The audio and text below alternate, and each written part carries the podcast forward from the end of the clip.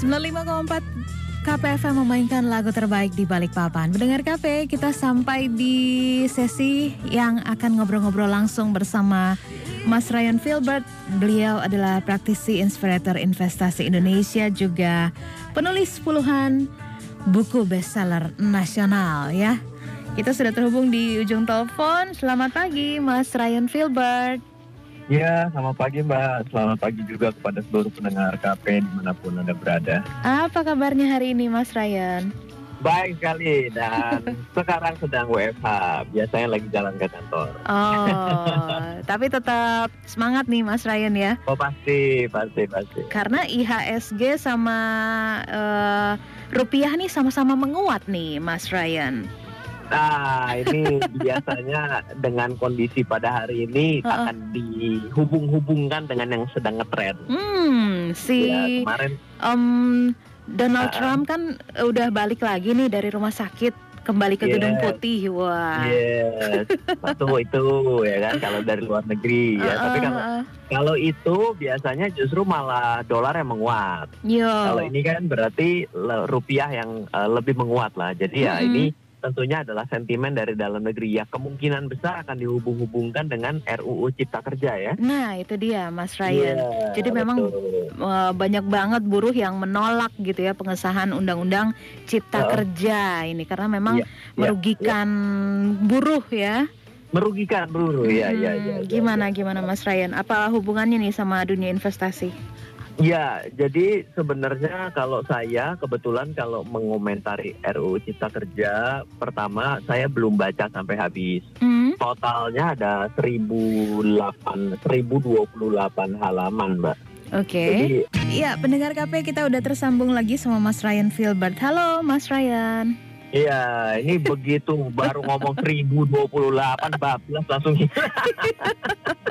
ikut terkoreksi nih tampaknya iya, ya. Iya, iya, iya. Waduh. Oke, okay, baik baik. Ini kita lanjut ya yang tadi ya. Iya, uh, pertama kalau terkait dengan RUU Cipta Kerja itu ada tebalnya 1028. Jadi saya baru baca sebagian kemarin. Uh-huh.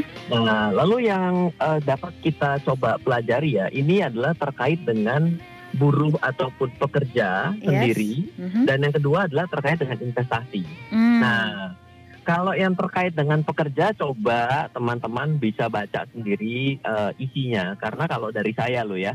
Ya, Saya melihat bahwa uh, berimbang isinya, tapi memang pemberitaannya lebih banyak yang negatif. Mm-hmm.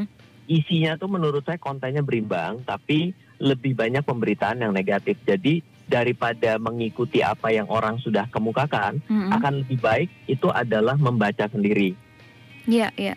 Ya, itu yang penting ya, saya yang mm-hmm. saya bisa sampaikan lah. Mm-hmm. Yang kedua, yang saya ingin cermati itu adalah terkait dengan investasi. Justru mm-hmm. investasi ini menjadi suatu hal yang di yang kita perhatikan kenapa justru keran investasi asing justru di sini lebih di secara secara tulisan ya itu secara lebih banyak uh, di welcome lah welcome dari luar negeri untuk ke Indonesia hmm. dan banyak juga yang bertanya kepada saya oh Indonesia ini berarti pemerintahnya saat ini tidak pro dengan investor lokal hmm. oh sebenarnya kita tidak bisa menjawab seperti itu yeah. Kalau kita melihat dari pemetaan Bursa Efek Indonesia itu kan adalah sarangnya, tempatnya orang berinvestasi. Setuju betul, dong? Betul. Mm -hmm. Nah, yang namanya Bursa Efek Indonesia itu sudah dibuka kembali dari tahun 1970-an. Oke. Okay.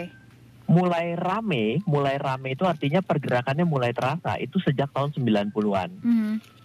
Baru mulai terasa sudah kena krisis tahun 98. Iya. Yeah.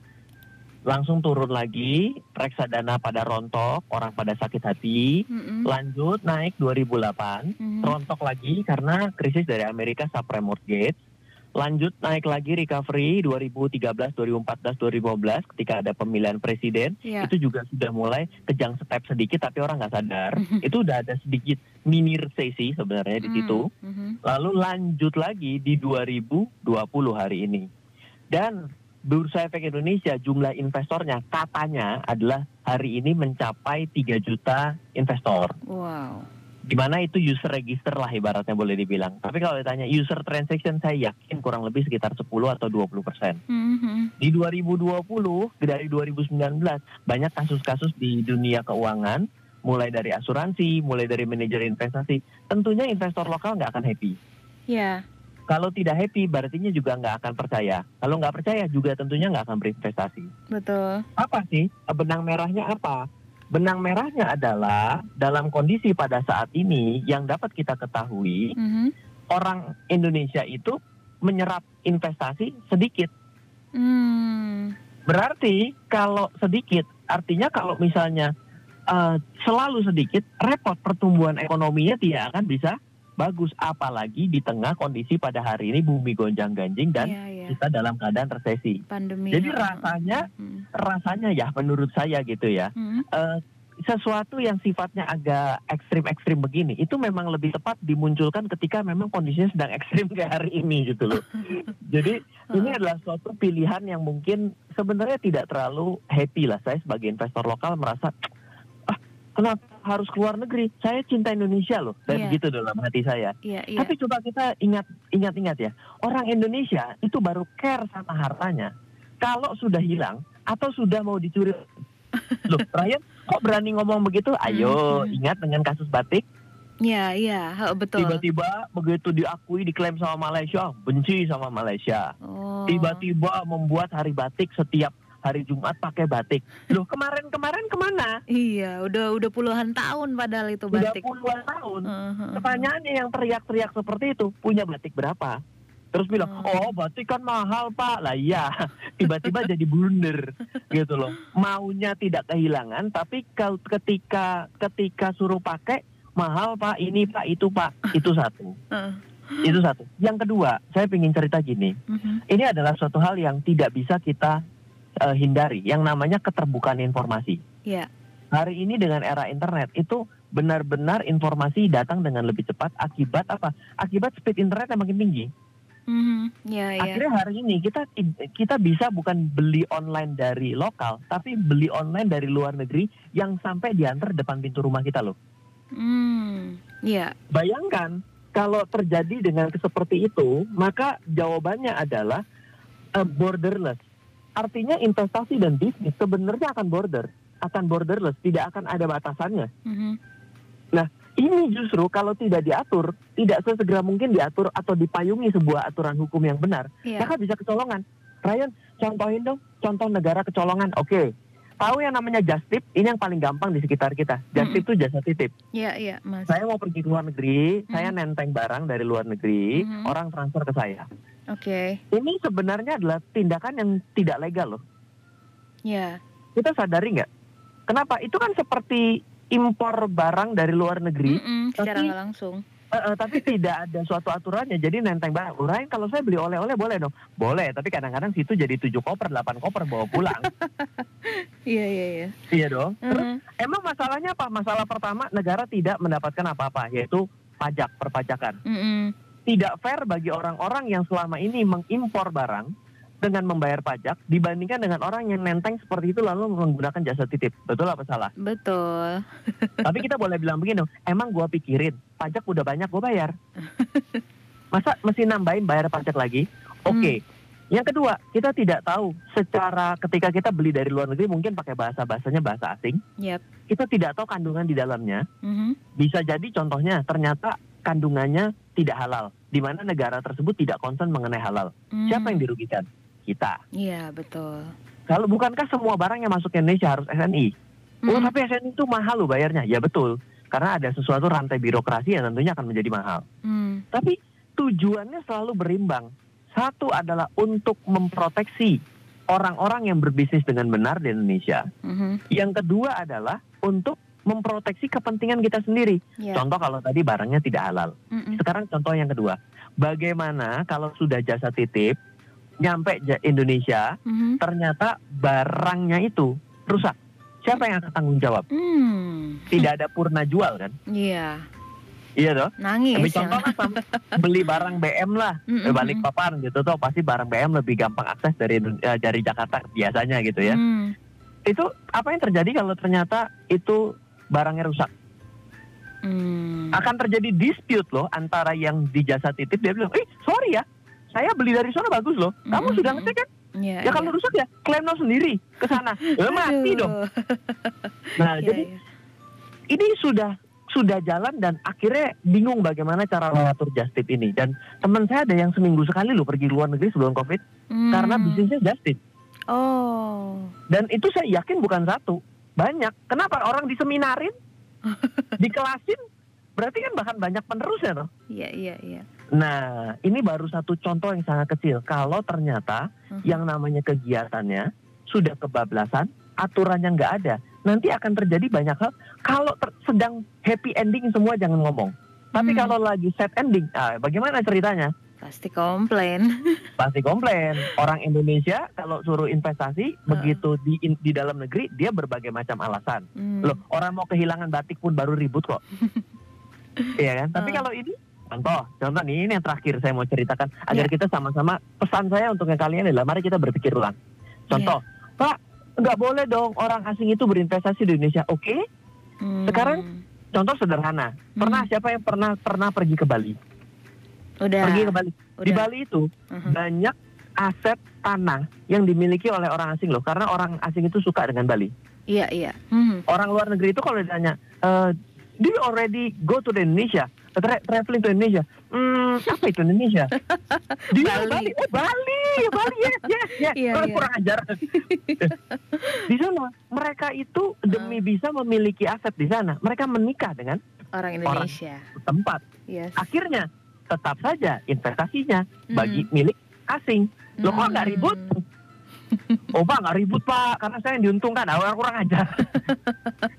Tapi kita harus memproteksi loh. Pada hmm. akhirnya kalau kita tidak bisa memiliki tanah, kita itu akan kehilangan segalanya. Yeah. Ayo coba semua teman-teman yang hari ini pada bermain game. Saya mau tanya, elemen apa dalam game yang akan perlu dipertahankan yang atau pertama kali harus dimiliki? Tanah toh.